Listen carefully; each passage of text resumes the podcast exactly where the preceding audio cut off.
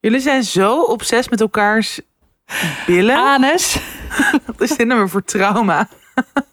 Ongeremde interesse, denk ik. Gewoon niet uit de poep- en plasfase gekomen met z'n allen. Oh.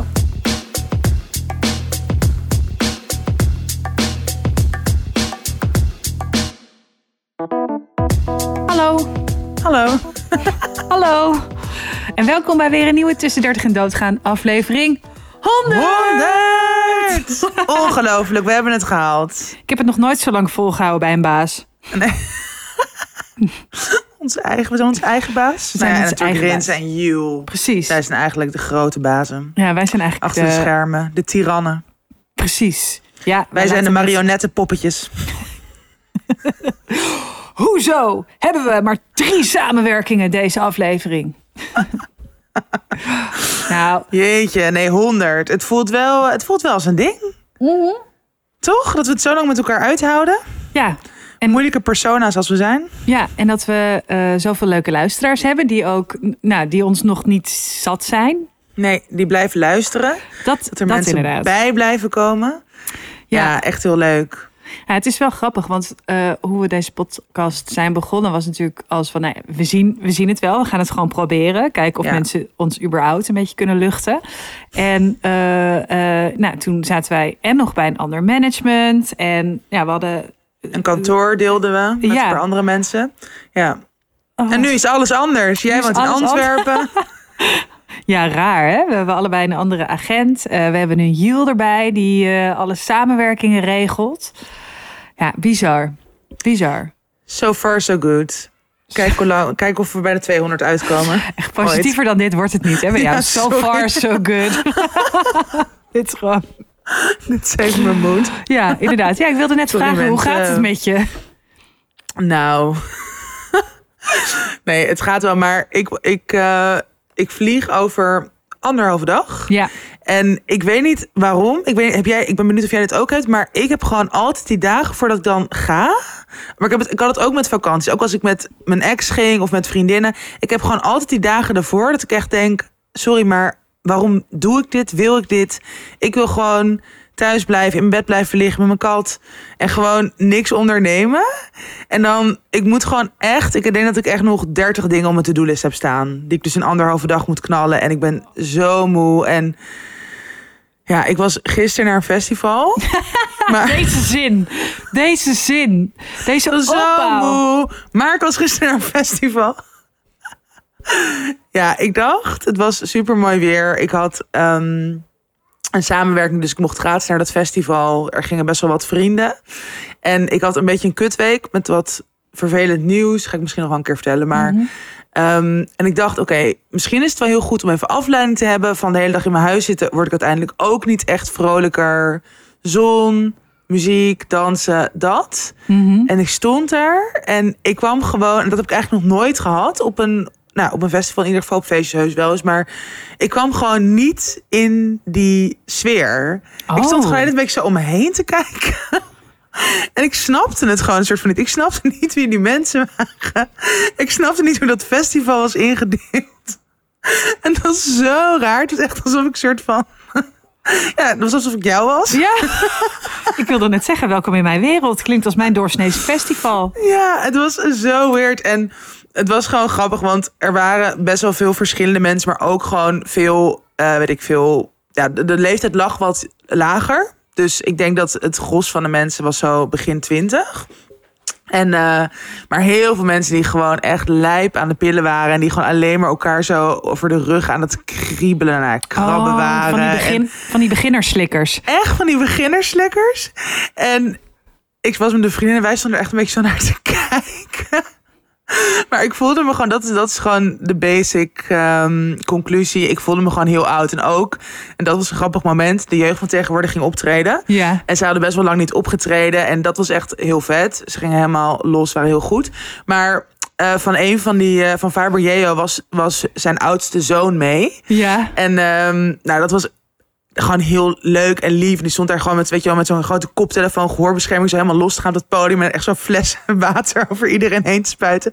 Maar het was gewoon, ik weet niet, ik was daar gewoon door ontroerd. Ik moest gewoon bijna huilen. Ik stond Ja. echt op zo'n afstandje te kijken naar dat kind en dan met zijn vader. En ik, ehm, ik ken zijn vrouw een beetje, Coco, die, eh, die is sportjuf in mijn sportschool Ja. eh personal trainer. En zij is echt heel leuk. En zij hebben net dan een nieuw babytje gekregen. En dat ik dan helemaal zo dacht, oh, en zij zit dan met die baby thuis. En dan zit hier gewoon. Dat is toch mooi? Ik echt dacht, wat de fuck, wie ben ik? Ja, alles waar je aan een, niet over hoeft na te denken op een festival, dacht jij dus daar over dacht na. ik. Precies. Ja. Dus dat, dat is even, ehm, ja, mijn eh mood. En, en was je toen wel in staat om gewoon eh, de stekker eruit te trekken en weg te gaan? Nee.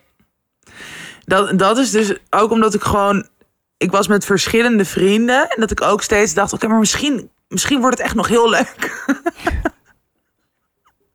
En het was ook niet... Ik maak het nu misschien ook zo negatief. Want ik heb ook heus wel gewoon... Weet je wel, gewoon leuk gedanst. Er was één podium waar echt geweldige muziek was. Dus het was niet alleen maar kut. Maar het was meer dat... Nou, waar wij het wel vaak over hebben. Dat ik gewoon in het algemeen... Vooral op dit soort plekken... Dan helemaal een soort in extase kan komen of ontspanning, ook zonder drank en drugs. Dat ik gewoon hem, dat dat voor mij dus echt een, een soort uitlaatklep is. Mhm. En dat gebeurde gewoon niet. Dus dan is dat.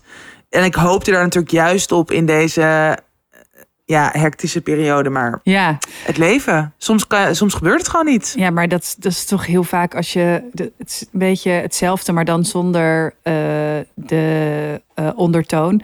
Maar dat is ook altijd als je ergens bent en dan hoop je dat je iemand tegenkomt. En die, dan kom je ze echt iedereen en zijn moeder kom je wel Ja. tegen. Behalve die persoon. Behalve ja. die persoon. Dat is Ja. ook een beetje, zeg maar, het lukt jou altijd. Zodra je ergens een drempel overstapt eh, en het gras inloopt en een plastic beker in je klauw krijgt, eh, sta je met je handen ben in ik de weer lucht. helemaal high on life. En nu, ja, nu denk je, oké, en nu heb ik het echt nodig. Heel eventjes een paar uurtjes niet nadenken. En dan is het gewoon, dan, dan lukt het niet. Nee. Nee. Ja, Ja. maar Dus helaas. eigenlijk is het wel gewoon je eigen schuld. Nee. Fuck you. Ik stop. 100, een mooi rond getal. Stekker eruit Oh, dat trekken. zal toch wat zijn dat wij zo echt eventjes, dat jij en Mark Marietje poelt en dan Ja. zo, ja.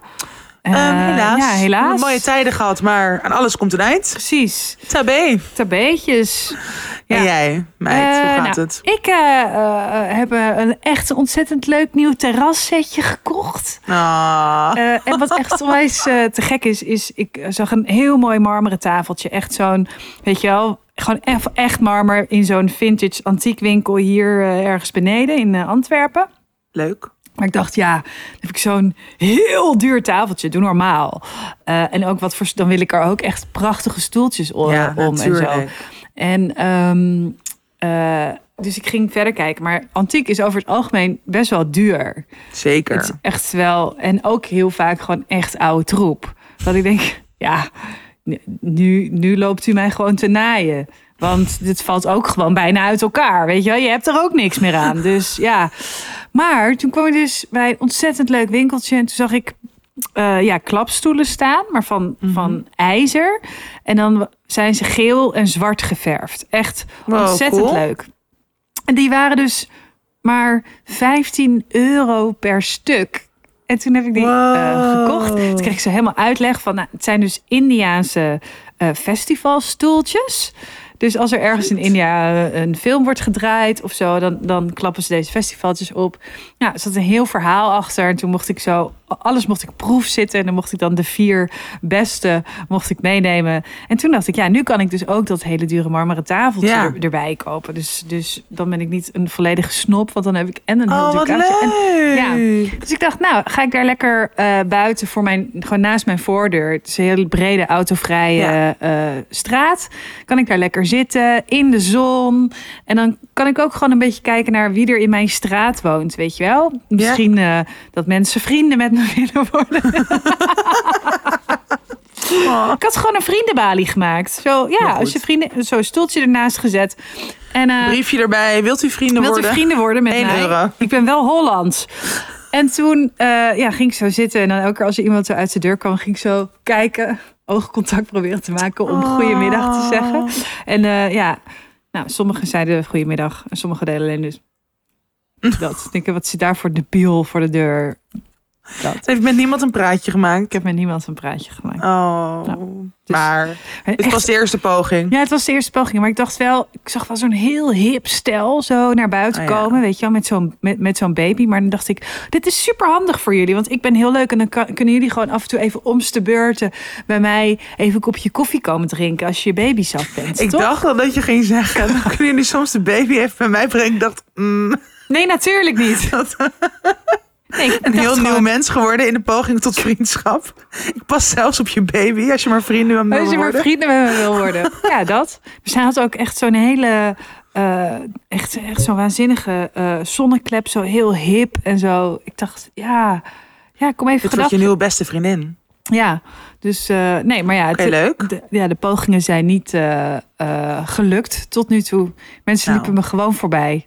Echt gemeen. Ja, echt gemeen, die Belgen. nee, maar eh, eh, ja, misschien moeten we voordat we naar het hoofdonderwerp gaan, eventjes nog eh, wat mensen bedanken. Want het is natuurlijk de honderdste aflevering. Ja. En ja, die kunnen we natuurlijk niet maken zonder ons. In de eerste plaats. Spotify, Thanks to ourselves. nee. iTunes. Nee. Beetje af. Ja, nee, we moeten natuurlijk even Rinsen en Jul in het zonnetje zetten. Ja. Ja, Ja, zonder hen zijn we echt nergens. nee. Zij regelen alles achter de schermen voor ons. Ja, Van de zeker. samenwerking tot de technische scheisse die wij nooit snappen. Die Nou, wij- ja. soms. die wij, nee, maar waar we gewoon ook geen zin in hebben. Dat is het meer, ja. Ja. ik bedoel, we moeten echt eigenlijk bijna iedere aflevering moeten we wel zeggen, ja, daar zegt Tatjana iets heel racistisch. En dan moeten zij er helemaal doorheen om dat eruit te knippen en zo. En eh, weet je wel, ja, dus Er is nog nooit iets van mij eruit geknipt. En Van van jou? van jou zeker wel. ja. nee, valt wel heel erg mee. Maar ehm, we zijn erg blij dat ze er zijn. Ja. En het zijn ook gewoon hele leuke mensen. Dat vind ik heel fijn. Dat we, eh, ook toen we dat event laatst in de movies hadden... dat het dan ook gewoon zo gezellig met z'n vieren is. En dat we gewoon Ja. heel erg goed op elkaar ingespeeld zijn. En dat ehm, Ja, is super. Dus. en natuurlijk de luisteraars moeten we bedanken. Want En de wij, luisteraars. Ik ja. denk echt dat wij de allerleukste. Ik bedoel, eh, de mediameiden die zeiden laatst ook in hun podcast. Nee, maar we hebben echt de allerleukste luisteraars. Maar dat is niet waar. Nee, dat is niet waar. Dat hebben wij. Sorry meiden. Ja. Oké. Nou, eh, laten we door. We gaan door. Your attention, please. This is an important announcement. We zijn weer terug bij Storytel deze maand. Het Yes. platform met meer dan 350.000 verhalen in luisterboek en heel veel in e-bookvorm. Voor ieder wat wils. De mooiste romans om in te verdwijnen. Ontzettend veel informatieve non-fictieboeken die wij vaak gebruiken als naslagwerk voor artikelen die we schrijven voor onze eigen boeken. Ja. Nationale en internationale poëzie, spannende thrillers, jeugdliteratuur, allerlei originals die dus door Storytel geproduceerd zijn. En enkel daar te horen, zoals die hele hotte orgasmereeks, waarvoor ik ook een paar verhalen mocht schrijven. Heel leuk. Ja, en we hebben dit al heel vaak gezegd. Maar goed, je vindt onze beide boeken ook op Storytel. Zacht op lachen. En komend najaar ook alleen een duizend mensen. Nog heel even Zo benieuwd. mensen. En eh, Knap voor dik meisje. En ik zal je nooit meer van Tatjana. En alle drie door onszelf ook ingesproken. Ja. Eh, wat ben jij eh, momenteel aan het beluisteren? Nou, ik heb natuurlijk, eh, we nemen dit iets van tevoren op. En ik heb dus allemaal boeken op mijn plank gezet. Voor als Ja. ik straks ga vliegen. Eh, en ook, ik denk dat het ook echt heel relaxed is in Amerika. Dat heb ik vorige zomer ook gedaan. Vooral ook op dat eiland. Als ik dan zo lekker daar aan het fietsen ben. En op het strand lig. Om dan dus inderdaad luisterboeken op Storytel te luisteren. En ehm, welke twee boeken er onder andere op staan. Is Tijgerlelie van Marion Pauw. Daar ben ik echt Ja. heel benieuwd naar. Het gaat eigenlijk over... eh, nou, ja, een vriendengroep, wat natuurlijk leuk is en goed, totdat het op een gegeven moment uit elkaar valt, totdat je eigenlijk een soort buiten die groep valt of verstoten wordt. En voor dat hele proces. Nou, gewoon een super interessant thema. We hebben natuurlijk ook best wel veel over vriendschap gehad en over boeken die daarover worden geschreven. En dit boek eh, past ook binnen dat thema. En ik Ja. vind haar sowieso een hele leuke, goede schrijver. Dus daar ben ik benieuwd naar. Heeft zij het zelf ingesproken? Dat weet ik niet, want het staat dus nu Oh. nog niet erop. Maar ik heb hem dus al op on boekenplank ja, Ja. gereserveerd. Maar als ik dus straks daar ben, dan, en als mensen dit luisteren, dan is hij wel ehm, al verschenen. Dus ik weet niet of zij hem zelf heeft ingesproken. Spannend. Spannend. Ehm, en dit vind ik ook echt een boek waar ik echt zin heb om gewoon zo steeds. Ik denk dat dat een beetje is alsof je een soort serie of soap kijkt. Dat is het boek van eh, Matthew Perry, Chandler uit Friends. En het Ja. heet Friends, Lovers en het grote verschrikkelijke ding. En ja, ik ben er heel benieuwd naar, want hij was gewoon altijd mijn favoriete personage uit Friends. Gewoon zo Ja. grappig. Maar dit weet iedereen inmiddels denk ik ook wel dat hij ook eigenlijk zijn hele leven al dealt met depressie. Dat is dus het grote verschrikkelijke ding. En verslavingen. Mhm. Ehm, en ja, ik heb al van een paar mensen gehoord die het hebben gelezen dat het echt heel grappig is, maar ook heel ontroerend, heel kwetsbaar. Ehm, en dit, ja, nogmaals, ik zie mezelf gewoon helemaal zo door New York lopen en dan soms steeds een stukje daarvan luisteren. En ik denk dat dit ook twee echt perfecte boeken zijn. Ja. Eh, omdat ze, zeg maar, ook voor mij om te luisteren naast het schrijven van mijn eigen boek. Want Mhm. het is totaal anders volgens mij qua stijl en qua thematiek. Maar het is wel lekker om soms even ergens in te verdwijnen en wel toch op een manier geïnspireerd te worden. Dus ja, ja, zeker. zin in. En jij? Ja, ja ik, eh, ik luister naar een eh, Storytel Original, Het Geheim Oh, van Marrakesh. leuk.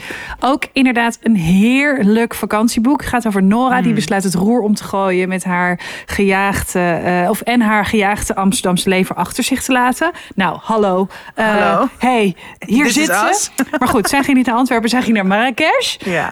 Om een eigen bed and breakfast te openen. Hmm. In een oude Medina. Omringd door allemaal leuke bazaars en zo. Nou, het is echt een boek waar je heerlijk in verdwijnt. Ja. Super goed voorgelezen.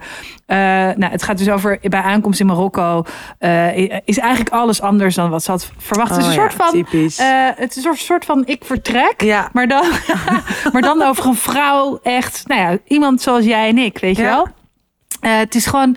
ja, het is een heerlijk verhaal. Een verhaal over vriendschap, liefde, nieuwe start, iets ver van huis. Eh, ja, zij vindt dus op een gegeven moment in die riad waar ze woont een dagboek. Wow. Eh, en, en dat dagboek heeft weer een hele duistere geschiedenis. Ja, het is gewoon. Wat ook wel eh, spannend klinkt. Het. Ja, het is spannend. Het is Ja. echt. Nou, en en het, is, het neemt je echt eventjes mee in een andere wereld. Dus, en ook wat jij zegt, het het is een boek wat ik heel goed kan luisteren. Het is net een weekje staat het erop. Oh, Dus, ehm, nice. ja. Ja, Echt zo leuk, hè? al die Storytel Originals, dat ze zich steeds daar ook in blijven ontwikkelen. Er zijn zoveel verschillende, verschillende genres ook in die originals. Ik vind dat echt nice. Nou, via onze persoonlijke link story.tel slash dus 30 en doodgaan, we delen hem natuurlijk ook in de show notes, kun je 30 dagen gratis luisteren in plaats van de gebruikelijke 14 dagen. Om echt even goed dat aanbod te checken. Nou, wij hebben je nu wel tips gegeven, maar er staan dus 350.000 luisteraar e-books. Dus echt voor ieder wat wils. Eh, ga lekker los. ja. Check alles. En ook ja, in deze periode is het toch heerlijk om inderdaad bij het zwembad of op het strand of waar je ook naartoe gaat. In ja. een stad gewoon heel Inderdaad. veel storytel te luisteren. Vaak gaan, mensen gaan vaak twee tot drie weken op vakantie. Misschien ga je zelfs wel een maand. Nou, neem het er eventjes lekker van. Ja. Geniet van je vakantie vol luisterboeken. En alle mooie verhalen in de Storytel app. Enjoy. Ja, hoe kan het ook anders? Mijlpalen. Daar gaan we het over hebben. over mijlpalen in de Ja. honderdste aflevering van Tussen 30 en Doodgaan.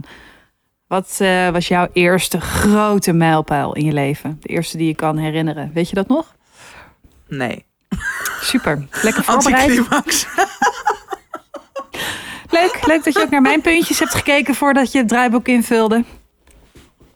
Over mijlpalen gesproken. Mevrouw heeft het een keer voorbereid. Oh nee, toch niet. Nee, Oh. grapje. Wow. Je bent zo gemeen tegen mij, terwijl ik me al slecht voel. Dit is geen mijlpaal in Dit mijn is leven. ook geen mijlpaal inderdaad. Ehm, wat is jouw eerste mijlpaal dan? Nou, ik weet dus dat ik... Ik weet nog de eerste keer dat ik echt dacht... Oh, dit, dit heb ik bereikt. En hier Ja. heb ik heel erg mijn best voor moeten doen en bla bla bla. Want ik denk dat dat een beetje een mijlpaal is. Hè? Dat, Mhm.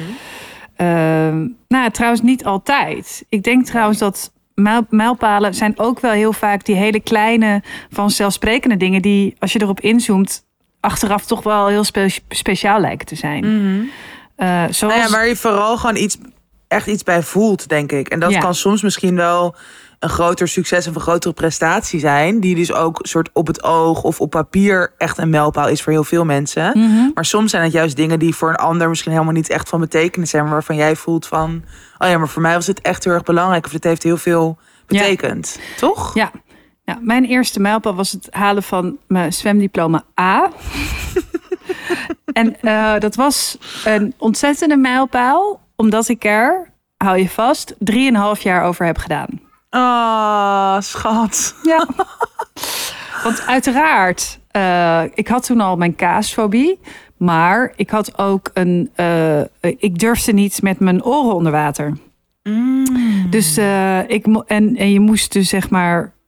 Dat moest dus. En dat is toen zo'n grote angst voor mij van mij geworden. Dat ik eh, altijd eh, echt met een gloeiende pook die auto van mijn ouders in eh, getrapt moest worden om naar zwemles te gaan. Oh, En daar was het echt altijd alleen maar janken en huilen.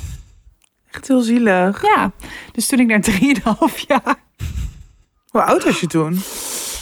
jaar of 16? Nee. Ik, nee, volgens mij begin je met zwemles tussen je derde en je vierde. Zo vroeg al. Ja, heel vroeg. Wow. En eh, ja, was ik zeven of acht. En ik had dan allemaal kinderen in de klas die al hun A, B en C en zo hadden. En eh, op een gegeven moment ging je dan eh, ook schoolzwemmen. En iedereen ging dan voor zijn zwemvaardigheid eh 36 of zo. en ik dus voor mijn B-diploma. Wow. Ja. Maar heb je dus wel uiteindelijk je B gehaald? Ja, ik heb uiteindelijk wel mijn B gehaald. Want ik ben er wel eh, een beetje overheen gegroeid omdat het niet meer moest. Oh, ja. Dus, eh, en ik zat toen eh, samen in een groepje met Dwight. En Dwight was mijn klasgenoot eh, eh, Surinaamse afkomst. Die kon ook niet zwemmen. Dus wij moesten met z'n tweeën dan in zo'n ah, eh, ja, klasje. in zo'n klasje om, om, om ons B-diploma te halen. Ah. Maar dat, dat was eigenlijk dat is gewoon de eerste mijlpaal die ik me kan herinneren. En waarvoor ik ook ben omgekocht met snoep. En weet je wel, als je het nou doet, als je het hebt gehaald, dan. Dat is zo grappig. ja, dus dat weet ik nog heel goed. Wow. Nu ik dit heb verteld, heb jij ook ergens, is er ergens in je brein dat zegt, Iets oh, eh, aangezet. Ehm, nou, ik weet nog wel dat bij mij, maar ja, dat was ook op de basisschool. Toen, ehm, eh, ik vond het dus toen al heel erg leuk om te zingen. Maar ik vond het ook altijd wel echt heel spannend. Dus ik had ook echt al vanaf best wel jonge leeftijd een soort faalangst. Dus als ik het gewoon voor mezelf deed of in een klein groepje, dan was het echt allemaal prima. Maar zodra het in een soort groter geheel moest, of dus met opvoering of zo, werd ik gewoon helemaal lijp. En echt zo hyperventileren en Oh. helemaal huilen en niet kunnen slapen. Maar ergens wilde ik het dan wel. Dus het was ook een soort van. En ik weet wel dat. ehm, toen bij de, gewoon in ja, de zesde klas, vrij school, dus groep acht, Oh ja. ehm, had je gewoon een, hadden we een soort eindavond of een soort, ja, opvoeringjes, dingen, afscheidsfeest. En daar waren dus gewoon alle docenten, maar ook alle ouders. Het was gewoon echt best wel een grote happening in het theaterzaal.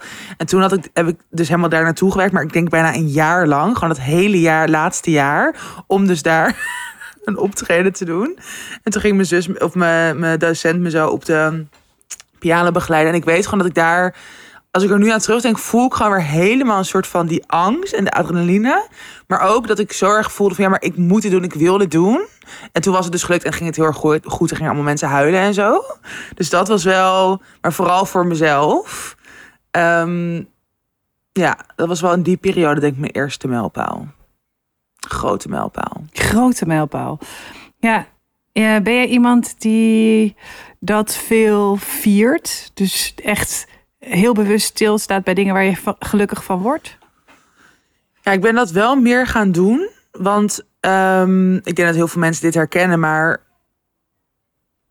ik denk mensen van onze generatie of gewoon in deze tijd dat het toch bijna nooit goed genoeg is. Dat je altijd soort van weer al, weet je wel, ik denk dat wij dat ook herkennen met bijvoorbeeld boeken schrijven of zo. Dat je dan eerst denkt, oh my god, als dit lukt of als dit is ge- gelukt, als ik dit heb gehaald, dan word ik het gelukkigste ooit of dan is alles goed. Ja. Maar dan kom je op dat punt en dan is het ook van, oh ja, nou prima, maar nu weer door. En ik was daar op een gegeven moment gewoon zo klaar mee dat ik altijd alleen maar een soort bezig was met het moet beter en sneller en meer en dat. Gewoon heel erg die maakbaarheidsgedachte.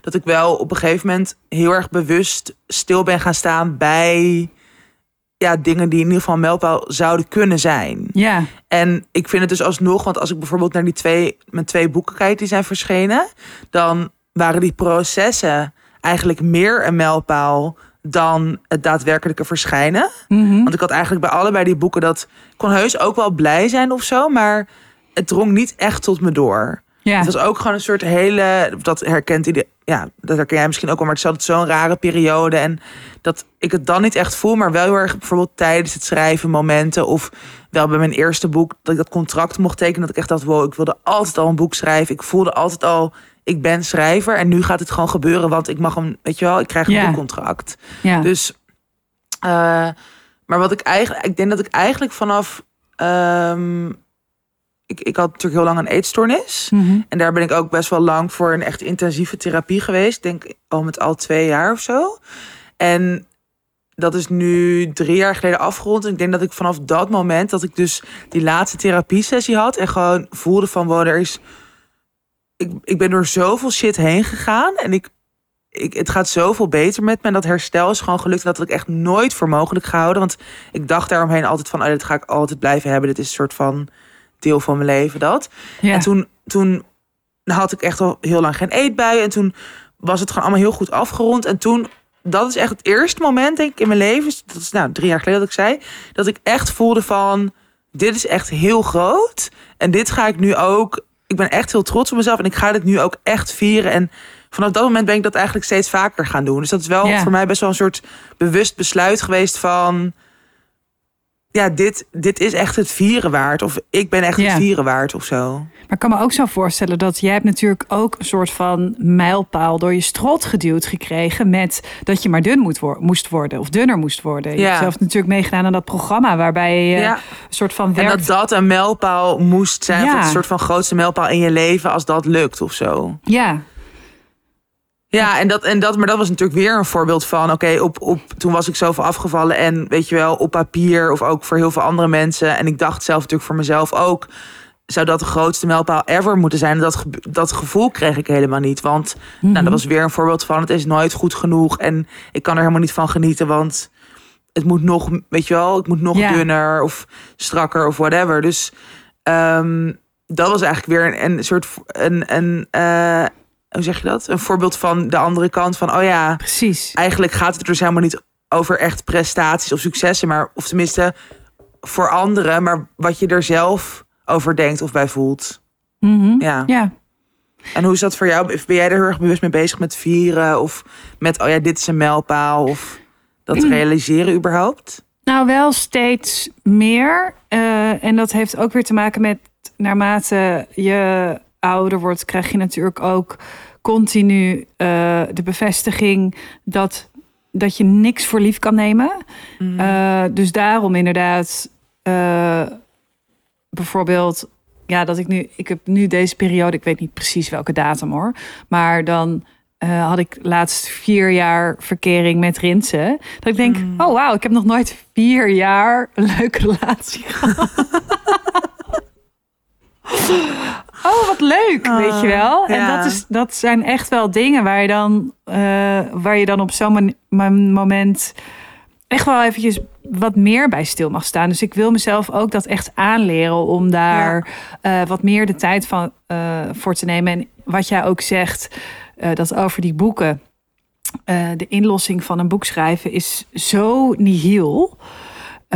dat, ja, waarom mag ik niet blij worden van eh, de eerste keer dat je het uitprint en dat je denkt: wow, ik heb gewoon deze hele stapel papieren. Daar staan allemaal letters op en allemaal zinnen en verhalen. En of het nou goed is of niet, ik heb dit wel gewoon gedaan. Ja, Weet je? ja, En ehm, dus dat soort dingen. Dus inderdaad, voor iets vieren waar eigenlijk ook de rest nog niet zijn plasje over heeft gedaan, is denk ik heel erg belangrijk tussentijds. Dus nou ja, helemaal met als je zelf een maker bent.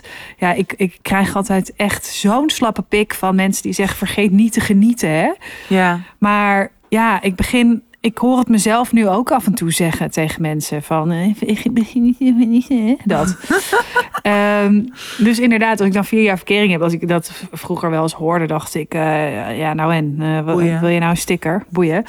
Maar ehm, ja, als je ook veel mensen om je heen verliest of ziet dat bij sommige mensen het helemaal niet vanzelfsprekend is, dat het gewoon niet lukt, of dat je inderdaad mensen om je heen ziet dat je denkt, ga in godsnaam uit elkaar. Uit elkaar. Ja, ja. Echt, alsjeblieft. Doe iedereen jezelf en de wereld een plezier. Ga uit elkaar. Dan denk je, ja, zit ik dan toch wel met Rins dan terug in de auto en denk je, oh, Oh ja, volgens mij mogen we best wel af en toe eventjes stilstaan bij het idee dat, dat dit gewoon echt niet voor ons geldt. En dat, dat geldt dan weer voor heel veel dingen. Maar bij mij Ja. zit er dus wel, je hebt dus ook een soort van, dit is dan de mijlpaal in de zin van dat het heel positief is. Maar ik ehm, heb ook, ik heb ook wel heel veel last van soort van hele deprimerende mijlpalen. Dus bijvoorbeeld eh, die vriend van mij die heel ziek is geworden en die ik nu niet meer kan zien omdat hij zo ziek is, dan denk ik, oh ja, ik ben al tien jaar zonder hem.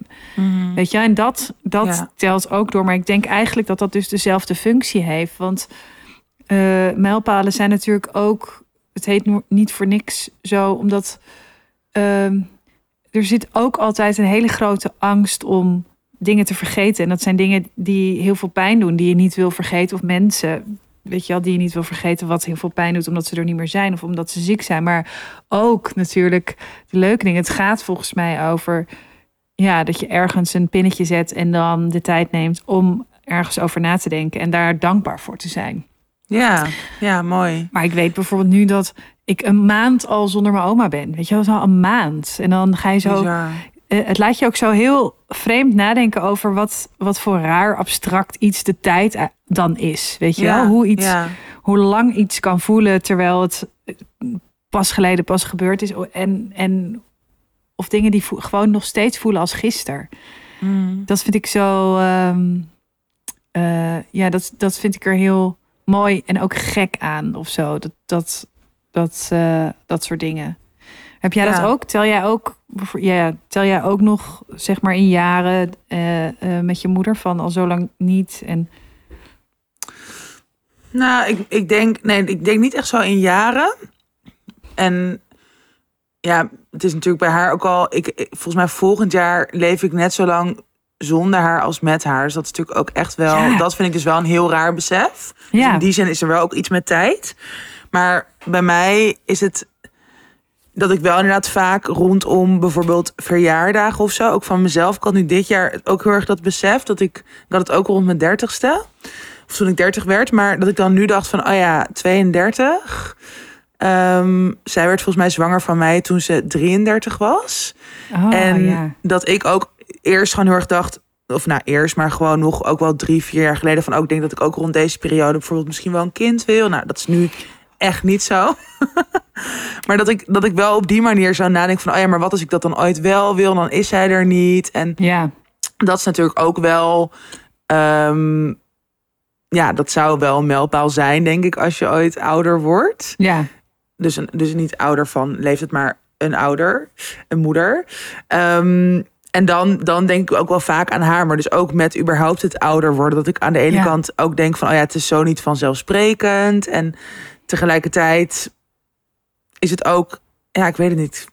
Ik kom er nu ook even niet heel erg goed uit, maar het is wel. Nou, het is natuurlijk ook helemaal, denk ik, als je eh, veel mensen eh, bent verloren en helemaal veel mensen die je in een, eh, ik doe even zo, normaal leven dichtbij je draagt en nodig hebt, Ja, dat daar staan mijlpalen natuurlijk ook altijd ergens nog, in, ook voor het verlies.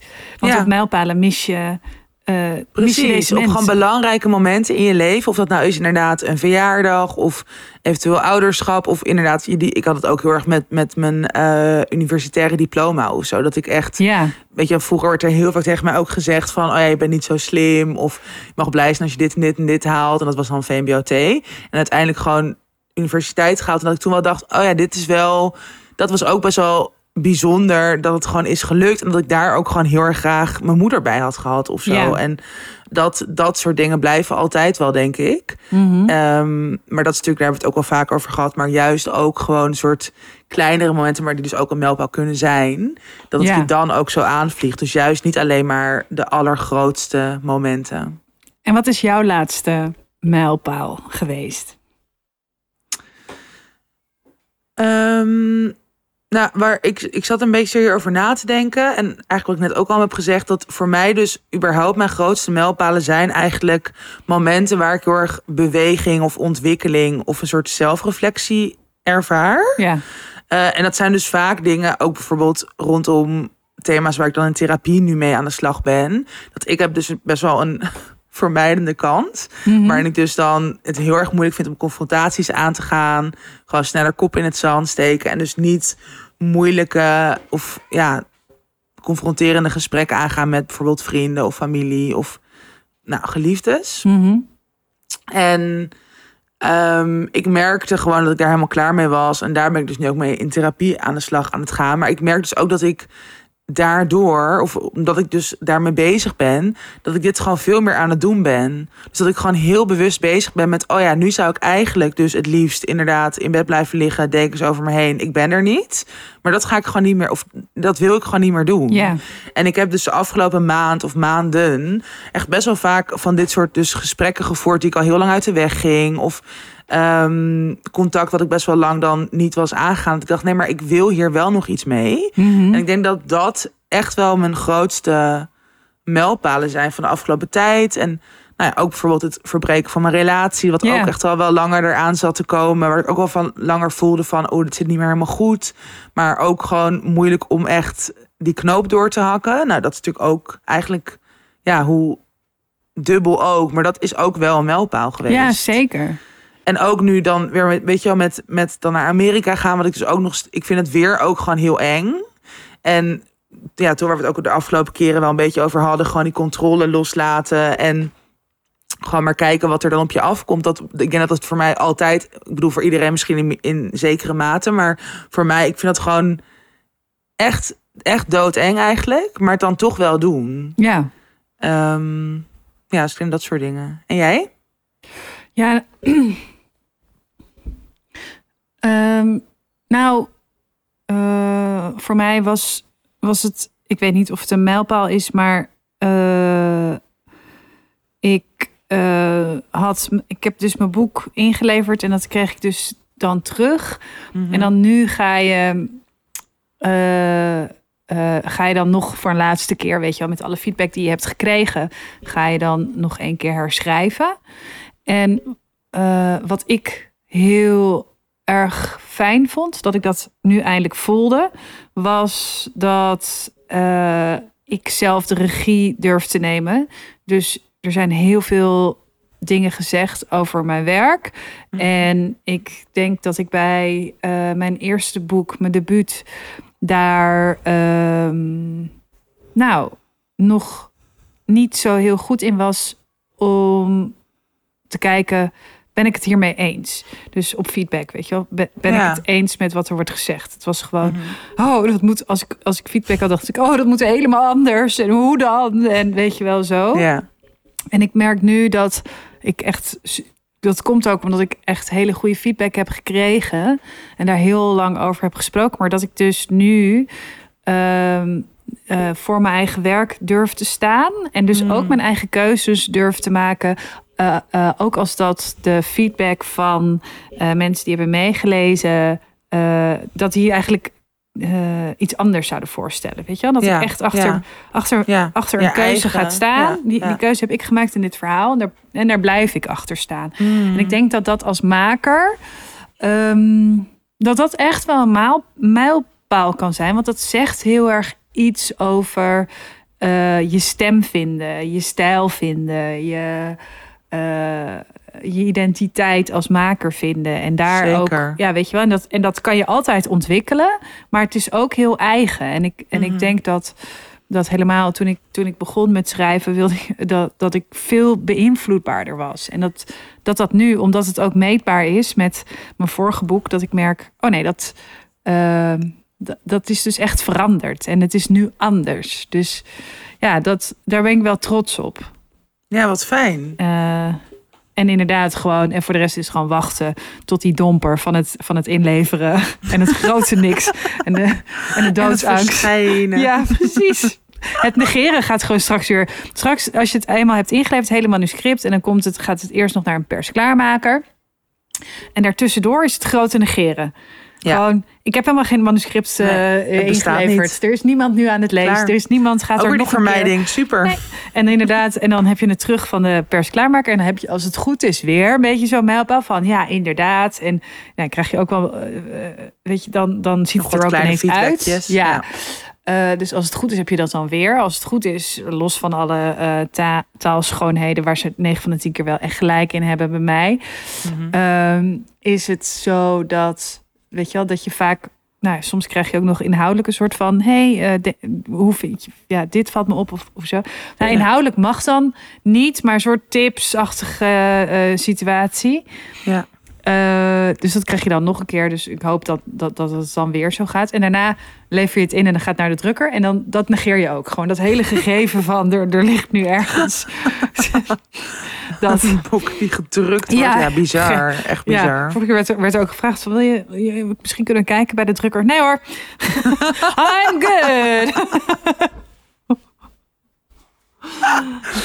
Zo grappig en Ja. erg eigenlijk. Ja, en ik vond het dus een hele eh, treurige eh mijlpaal. Ik weet nog dat, dat je dan zo aan het eind van het jaar, zo oud en nieuw, heel sentimenteel, eh, eh, eh, met je geliefde of met je vrienden of met allemaal, zo even zo'n rondje doet van waar, waar ben je dankbaar voor, weet je wel. En ik weet nog dat ik zei, er ging niemand dood in 2022. Oh. En dat maakt 2023 weer een stuk enger. Dat. Maar ja, het was echt een van de eerste jaren in mijn leven dat er gewoon, iemand, gewoon niet iemand doodging. Ja, dat was Dat is echt, echt. bizar. ja, dat, dat was heel raar. Dus ja, eh, dat eigenlijk. Dus al met al, eh, ja, misschien dat ik eh, volgend jaar voor mijn C-diploma ga zwemmen. Leuk. Misschien kan ik dan mijn B halen. Ik heb dus alleen maar mijn A. Echt? Ja, ik was ook Oh. helemaal niet zo heel goed in zwemmen. Maar ik vond het ook... Ik hou dus nu enorm van zwemmen. Ja, Dus ik heb wel... Ik was laatst op een feestje en toen ehm, eh, was daar de vriendin van Maartje Wortel. Nou, ik hoef helemaal niet te zeggen de vriendin van. Het is gewoon een eigen persoon. Femke Heemskerk. Ehm, maar... eh, en zij is eh, Olympisch zwemster. ja. En ehm, nou, zij, zij is nu gewoon, zij, nou, zij zwemt gewoon heel veel in haar leven. En toen ging zij me dus soort tips geven voor de Oh, echt? perfecte zwemslag. Wat goed, die wil ik Dus ook. toen dacht ik, hmm, misschien moet ik dit. Want borstcrawl kan ik helemaal niet. Eh borstcrawl. Nee. Maar ehm, eh, ja, gewoon een soort van mijn, eh, schoolslag perfectionaliseren. Oh ja. Dat Ja, lijkt me eigenlijk wel Ik top. kan, ik kan ook geen borstcrawl, want dan moet je zo met je neus en oren onder water. En dan gaat het mij zo... Oh ja. Dat, ik kan niet met mijn neus. Ik ben altijd die, diegene Ja? die haar neus dicht houdt. Als ze in het Ah, water springt. Ik vind het wel een lekker gevoel. Een soort van alles helemaal. Eventjes zo... Ja. ja. Eh, ik wilde hier wat over zeggen. Oh ja, ik heb toen wel een keer... Dat vond ik ook een mijlpaal. Dat ik dus de Amsterdam City Swim had gedaan voor eh, Oh, ALS. voor ALS, ja. Eh, ik heb wel een tip voor mensen die bijvoorbeeld met hun vriend eh, de Amsterdam City Swim gaan doen. Maak het niet uit met hem twee dagen van tevoren. Heb jij dat gedaan? Jezus, Malou. No judgment. Die timing is echt magnifiek. Ja, eh, dat, het maakte het er niet gezelliger op. En er zat natuurlijk ook al iemand met ALS naast me in de, in de rolstoel, zo langs de kade. Dus, eh, eh, maar dan inderdaad zo met je ex, zo stilzwijgend naast elkaar zwemmen. Maar daarvoor ben ik dus ook, heb ik een soort van, eh, toch nog even zwemles gedaan. Want ik kon dus wel zwemmen, maar ik kwam alleen niet vooruit. Ik kon eigenlijk gewoon heel goed drijven, eigenlijk. Gewoon dobberen. Ja. Dit is zo grappig. En toen heb ik dat echt geleerd, inderdaad. Toen heb ik mijn schoolslag perfectionaliseerd. Geperfectionaliseerd. Ja, dat. Geper oh Ehm, ah, dat. Ik had dus laatst moest ik ergens eh, de hele tijd hebben over mijn eh, koloniale verleden. Dat is ook als je Super. dus heel erg gaat letten op dat woord van oh als ik maar dat koloniale verleden Gekolonialiseerd, ja. gekolonialiseerd. Ge, toen, ehm, ja, dat werd gewoon heel gênant op een gegeven moment. Als je erover gaat nadenken, lukt het niet zo meer. hakkelen, nee. En, dan je, en je komt zo dom over dan, hè? Nee, je komt niet... Nou, ja, Ja, wel. wel. Ja, vreselijk. Vreselijke taal. Jammer dat we schrijver zijn. Zit er nog een leuke mijlpaal aan te komen? Ja, dat weet je nooit. Ja, precies. Kijk, nou, laten we het lekker positief Nou. eindigen. Super. Ik, let's go. ik denk dat de, onze 101ste aflevering al een mijlpaal wordt. Ik denk het ook. Moeten we morgen opnemen? Ja, Benieuwd hoe het dan gaat. inderdaad. Oké, laten we doorgaan. Tips, tips, tips, tips. Tips. Wat tip jij, lieverd? Ehm, een heel goed boek. Het heet The Lonely City van Olivia Leng. En ehm, dit was een beetje een soort corona-hype boek. Maar ik denk Ja. alsnog dat heel veel mensen het niet hebben gelezen. Eh, in het Nederlands is het trouwens ook verschenen in een vertaling De Eenzame Stad. En ik heb hem nu, ehm, hij is bij mijn nieuwe uitgeverij verschenen. Mhm. Ehm, en zij hebben mij dus nu eh, wel de Engelse vertaling gestuurd. Want het gaat heel erg over New York. Die auteur die is op een gegeven moment in New York gaan wonen. En zij ervoer toen heel veel eenzaamheid. Ja. En eigenlijk om weer een soort grip te krijgen... is ze juist die eenzaamheid helemaal gaan analyseren. En ook aan de hand van allemaal kunstenaars en kunstwerken. Echt van Andy Warhol tot ehm, eh, de zanger van Anthony and the John... Nee, hoe heet het ook weer? Van die hele treurige, hele mooie melancholische muziek, weet je wel? Mhm. Wel Anthony and Johnsons? Nou ja, ik weet het even niet, sorry. Ja. Ehm, maar het is een, ik, ik heb het dus al deels in het Nederlands gelezen, maar toen greep het me dus niet echt. Mhm. Ik dacht wel interessant thema, maar er was iets. En soms moet je boeken gewoon in de oorspronkelijke uitgave lezen. Dat heb Ja. ik hier ook bij, want ik ben gisteren begonnen. En ik heb echt zo nu meteen 70 pagina's gelezen. En ik zit er helemaal in. Ja. En nou ja, net zoals vorige keer heb ik volgens mij ook een New York tip gegeven. Wel iets heel anders. Maar ik ben nu Ja. gewoon even zo helemaal into alles rondom Amerika en New York. En ook omdat mijn, ik ga natuurlijk ook daar schrijven aan mijn nieuwe boek. En Ja. dat speelt zich daar natuurlijk ook al af. Dus het is ook gewoon allemaal een soort research. Maar ik denk dat veel luisteraars dit ook heel erg mooi vinden. Want er dus ook weer heel veel verwijzingen in zitten. Maar ook gewoon ja, ik denk dat we daar misschien nog wel een keer een thema-aflevering over gaan maken. Een soort van dat snijvlak tussen alleen zijn, wat heel lekker kan zijn en voor heel veel mensen ook heel erg belangrijk en dat je dat nodig hebt. Maar ook die eenzaamheid die daar natuurlijk soms juist dan wel mee te maken heeft en soms juist helemaal niet. En Mhm. het is gewoon een heel interessant thema. Dus ehm, ja, dat boek. Ja. Lees het. Wat jij zegt inderdaad over dat Engels en Nederlands. Ik had laatst, eh, wij hebben natuurlijk I'm Glad My Mom Died eh, gelezen. Eh, wat wij allebei, wij waren er best wel weg van, hè, van het boek. Echt Ja. zo. En toen had een vriendin van mij, die heeft het ook gelezen. En, of die was het aan het lezen en die zei, ja, ik weet niet. Ja. En zij las het dus in het Nederlands. Oh ja. En toen pakte ik het en ging ik weer even bladeren. En toen dacht ik, oh ja, dat snap ik. Dus heb ik ook tegen haar gezegd, je moet in het Engels lezen. Ja. Uh, maar ik vind, ehm, uh, durf ik dat te zeggen? Ja, durf ik dat te zeggen. Ik vind zo, uh, in het Engels uh, lezen soms nog best wel moeilijk. Ja, snap ik. Dat heb ik ook heel. Ik heb dit heel lang gehad. Ja. En toen dacht ik op een gegeven moment. Dit is onzin, want ik kan gewoon Engels. En het Ja. is ook chill om mijn Engels soort van ook te perfectionaliseren. Um, dus ik ga, dit, ik ga mezelf gewoon een soort trainen. En eerst las ik dus ook echt best wel langzaam. Ja. En dat vond ik dan ook heel erg irritant. Dat ik dan best wel veel zuinige woorden aan het opzoeken was. Maar ik heb wel een soort doorgezet de afgelopen jaren. En ik merk nu dat het echt heel natuurlijk is. Het is eigenlijk bijna hetzelfde als in Nederlands. Dus Ja. je hebt nu even de New Yorker, hou je omhoog? Ja, ik hou de New Yorker omhoog. Want ik uh, heb deze nu, uh, iedere maand. Uh, ook precies om wat jij zegt. Ja. Omdat ik mezelf echt wil dwingen beter uh, in het Engels te kunnen. Uh, ja, ook omdat we hadden natuurlijk toen dat uh, interview met Bridget Everett en Mary Catherine Garrison. Dus Ja. Sam en Trisha van Somebody Somewhere. En toen, ja, het ging supergoed natuurlijk in het Engels. Maar je wil je toch... je hebt toch ergens een beperktere, zo voelde ik dat in ieder geval, woordenschat. Ik zeker ook, Uh, ja. En uh, ja, dat wil ik wel. Ja, ik denk namelijk dat, dat dat ook echt een achterstand wordt van de volwassenen. Want als ik Mhm. kijk naar de kinderen van Rinsen, dit is gewoon, dat is echt 50-50 in Ja, hoe zij Ja. eh, eh, overschakelen van Engels naar Nederlands. En ook hoe hun eh, taal, eh, eh, ja, hoe, hoe toereikend hun vocabulaire is. Mhm. Dus, uh, maar goed, dat is niet mijn tip. Uh, uh, ik hoorde dus iets over Succession. En ik weet helemaal niet of het waar is, maar dat. Kijk, ik hoorde dus dat die, Ken, die gast die Kendall Roy sp speelt, Ja. dat hij zo in character acteert. Dat, Ja. hij, dat zij toen zij die opnames hadden in Italië, weet je wel, Mhm. dat hij daar met niemand heeft gesproken. Buiten als Kendall. Roy op de set. En uh, Wow. dat deed me heel erg denken aan een documentaire die ik dus nu nog een keer heb gekeken. En dat is de uh, documentaire Jim en Andy. Um, waarin, uh, um, ja, het is eigenlijk een documentaire over eh, achter de schermen van de film Man on the Moon. En Man on the Moon is weer een film over Andy Kaufman. Dat was een komiek. En Andy Kaufman had weer een alter ego. En dat was eh, Tony. Tony Clifton.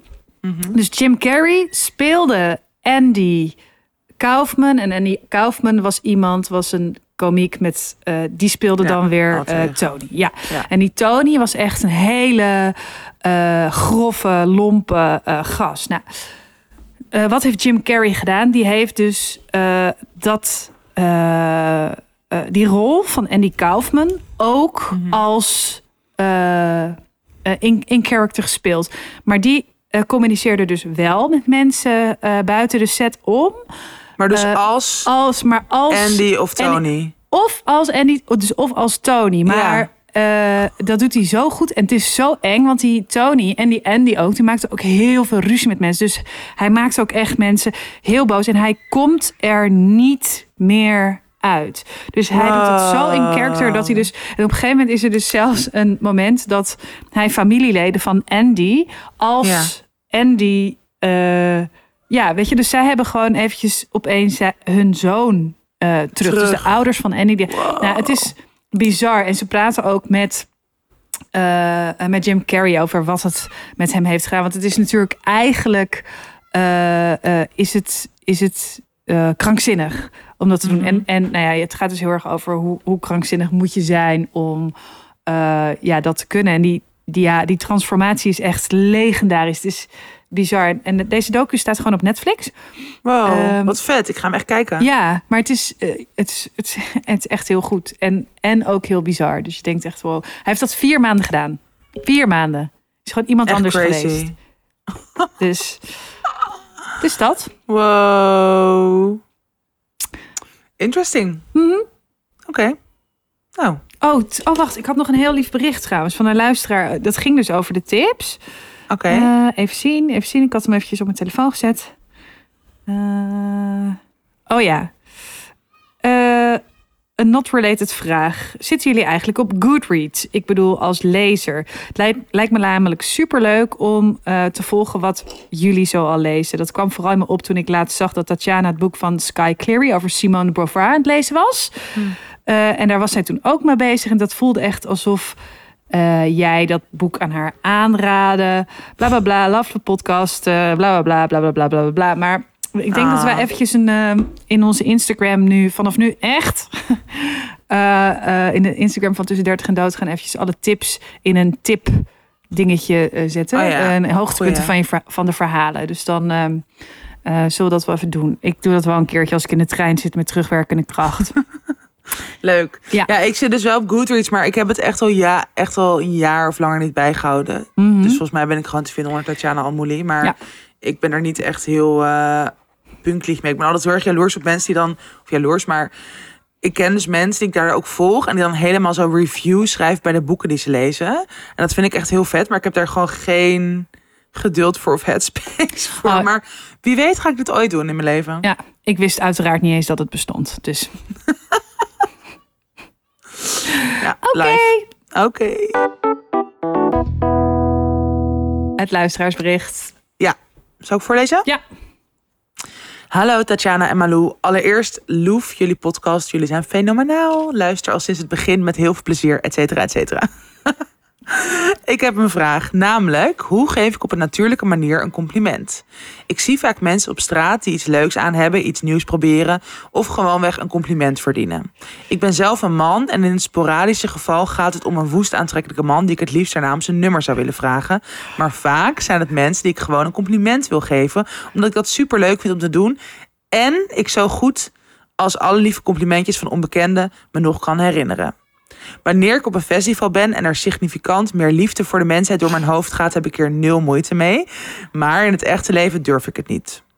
Ik vind het moeilijk om heel casual aandacht te krijgen, want een tik op een schouder gaat al een beetje over consentgrenzen heen. En ik ben bang dat mensen denken dat ik iets van ze wil. Om die reden geef ik vrouwen bijvoorbeeld op een hyperfeminieme wijze een compliment om ze te laten zien dat ze niks te vrezen hebben. Superleuke broedmeid, slap handje. en doe ik het tegenovergestelde bij mannen in een lage stem. Yo man, nice jas. Terwijl ik dit allebei niet ben. En ik ze gewoon als mezelf een compliment wil geven. Mijn vraag is dus, hoe stap ik op een vriendelijke, nietsvragende manier op een vreemde af... om diegene een leuk compliment te geven? En in het sporadische geval dat ik met ze wil trouwen, wat doe ik dan? Groetjes van iemand die zijn liefde voor de medemens gewoon heel graag iets meer zou willen durven delen. Dit- Oh mijn god, dit bericht is zo leuk. Ja, het is echt, ik denk, de liefste levensvraag die we... eh, En heel grappig. Ja, Echt heel grappig. Kijk, eh, ik denk dat het helemaal niet gaat over hoe eh, geef ik dat compliment. Ik denk dat deze vraag eigenlijk gaat over eh, hoe eh, maak ik me iets minder druk om wat iemand anders Van me, van me vindt. denkt Ja. eh, en van me vindt. En eigenlijk denk ik dat eh, een complimentje, en helemaal een complimentje zonder aanraking, is natuurlijk altijd superleuk. Dus ik denk dat eigenlijk kan je altijd een compliment geven als je dus kan denken: zou ik dit leuk vinden om te horen, ja of nee? Ja. Ja, en ik kan wel gewoon zeggen, eh, weet je, je hoeft geen stemmetje. Of met een stemmetje zou ik eerder nog kunnen denken van, oeh, eh, eh, meent hij het wel? Of is het een, is het een act of zo? Dus juist hoe neutraler en hoe, hoe dichter bij jezelf. Dat voelen mensen denk ik ook echt wel. Ja. Ik denk, ja, ik denk dat ook. En ik denk ook wat je over consent schrijft, zeg maar, hoe jij hierover nadenkt. Dat, weet je, dan kan je er echt op vertrouwen dat je aanvoelt of het over iemands grens heen gaat. ja, precies. Ehm, en ik denk, kijk, dat is wat je zelf ook al zegt. Iedereen vindt het leuk om een oprecht compliment te krijgen. Gewoon iedereen. ja, Man, vrouw, non-binair, oud, jong. Weet je, dat, het gaat gewoon over die oprechtheid. Mhm. En over dat je iemand ziet. En eh, dat, ik denk dat dat dus inderdaad eigenlijk nooit verkeerd valt. ja, Ehm, en ja, dus dat is denk ik in het algemeen. En ook wat jij inderdaad zegt op, op festivals, op, op, op feestjes of weet je, op dat soort momenten. Ehm, ik denk dat dat eigenlijk gewoon. Ik denk dat bijna iedereen het leuk zou vinden als dat iets meer een soort van de standaard is. Ja, sorry, mijn microfoon viel. Helemaal. Buiten mezelf. ja. Nee, maar dat is toch dat, want dat, is, dat zijn ook juist momenten. Als je daarna aan terugdenkt van, oh, dat was zo leuk, dat was zo'n goede sfeer. Iedereen was zo positief en oprecht. En ja, waarom zouden we dat niet meer gewoon naar het dagelijks leven trekken? Ja, precies. En als je als je echt eh, zorgen maakt over consent en dat het als het ook is over het verbalen. eh, volgens mij had Claudia de Breij in haar oudejaarsconferentie had een hele eh goeie daarop dat als je het echt niet weet of je iets tegen iemand kan zeggen, eh, bedenk dan even: kan ik dit tegen mijn moeder zeggen? en als je het dus tegen je moeder kan zeggen, dan kan je het ook tegen een vreemde zeggen. Dat, vind ik, dat, dat vond ik heel leuk. En over nummervragen. Eh, ik heb eh, deze tip een keer gegeven aan eh, onze grote vriend Pepijn Schoneveld. Die weer bibberend, of nee, niet bibberend. Nu, nu maak ik hem echt een klein, klein bibberend. Niksig ventje. Niksig ventje, nee. Maar kijk, Pepijn, ik bedoel, ik denk dat iedereen het heel lastig vindt om op iemand af te stappen. Gewoon omdat je iemand denkt, wow, je hebt echt zo'n mooie uitstraling. Ja. Ehm, en dan, maar dan heb je dus over dat nummer geven. Je moet altijd gewoon, een, gewoon zeggen, mag ik jou mijn nummer geven? Want dan vraag je niks aan iemand. Je vraagt niks aan iemand om, om een stukje van zichzelf. En ook als je iemand jouw nummer geeft op een briefje of zo, dan ehm, eh, eh, le- leg je daarna gewoon de bal bij diegene. Dus dan als iemand met tegenzin ook nog eens een nummer geeft, weet je wel, van oh ja, ik, ik geef mijn nummer, want ik durf geen nee te zeggen. En jij gaat dan, weet je, dus, dus als je gewoon zelf je nummer geeft, eh, Goeie. dan eh, ja, wordt het zeker weten trouwen. Keep us posted. Ja, ik denk dat eh, vragen van mag ik je telefoonnummer? Dat, dat je dus beter kan vragen, mag ik je mijn nummer geven? Want Ja. dan maak je het voor die ander Ja, dat gewoon heel veilig. wel van. Ik vind het wel dat het een beetje. Kijk, als je iemand op straat ziet, of weet je wel, ergens. mijn nummer. Ja, dat, dat is misschien een beetje too much. Maar stel je hebt gewoon een heel leuk gesprek al met iemand. Of dan vind ik het wel misschien anders. Maar goed, Ja, dat ja, is inderdaad een andere context. Nee, maar kijk, Pepijn die was gewoon zo aan het gluren. En die, die wachtte tot hij kon opstaan en op iemand, nee, grapje, eh, af kon lopen. Deze arme jongen. Eh, maar ook vrienden met jou wil zijn. ja, maar ook tegen, weet je, ook daarover hebben we heel veel gesprekken gehad over. Het is altijd fijn, ook als je niet geïnteresseerd bent in Ja. iemand op wat voor manier dan ook, is het hartstikke fijn om. eh, eh, te horen... hey, wat heb je een leuke uitstraling? Of hey, Ja, weet je wel... eh, Ja, ik vind je leuk of interessant. of lekkere whatever. reet in die broek. Dit dus niet zeggen. hey, ik zie je bilnaad. Echt weer een kink voor jou. Dat jij dan Oh. helemaal opgewonden wordt van Bill na, Ik had, je- ik had je Wow. toch laatst het filmpje gestuurd met, van eh, eh, eh, mijn dansende vader, Erik Sperik, 34, 36. Wat een schat. Daar heeft hij ook zo'n zo'n bilnaad. En ik weet nog dat wij vroeger een keer hadden, hadden mijn broertjes en ik zo heel veel muntjes Nee. op vakantie in Spanje. En elke keer als zijn zwembroek afzakte, liep we achter hem aan en dan deden we er een muntje in. Jullie zijn zo obsessief met elkaars billen. Anus. Ja, het is echt niet normaal. Wat is dit nou weer voor trauma? Het Zeer trauma is gewoon ja, eh, ongeremde interesse, denk ik. Gewoon niet uit de poep- en plasfase gekomen met z'n allen. Oh. En hij had gezegd op, eh, we hadden natuurlijk dat filmpje ge- gepost. Van- we hadden dat filmpje gepost over dat ik de boomerdans nadoe.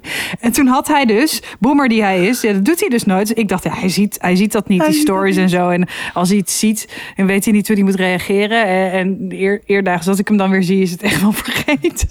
Maar wat Maar- heeft hij gestuurd? Hij stuurt, dit is niet normaal, je bent onterfd.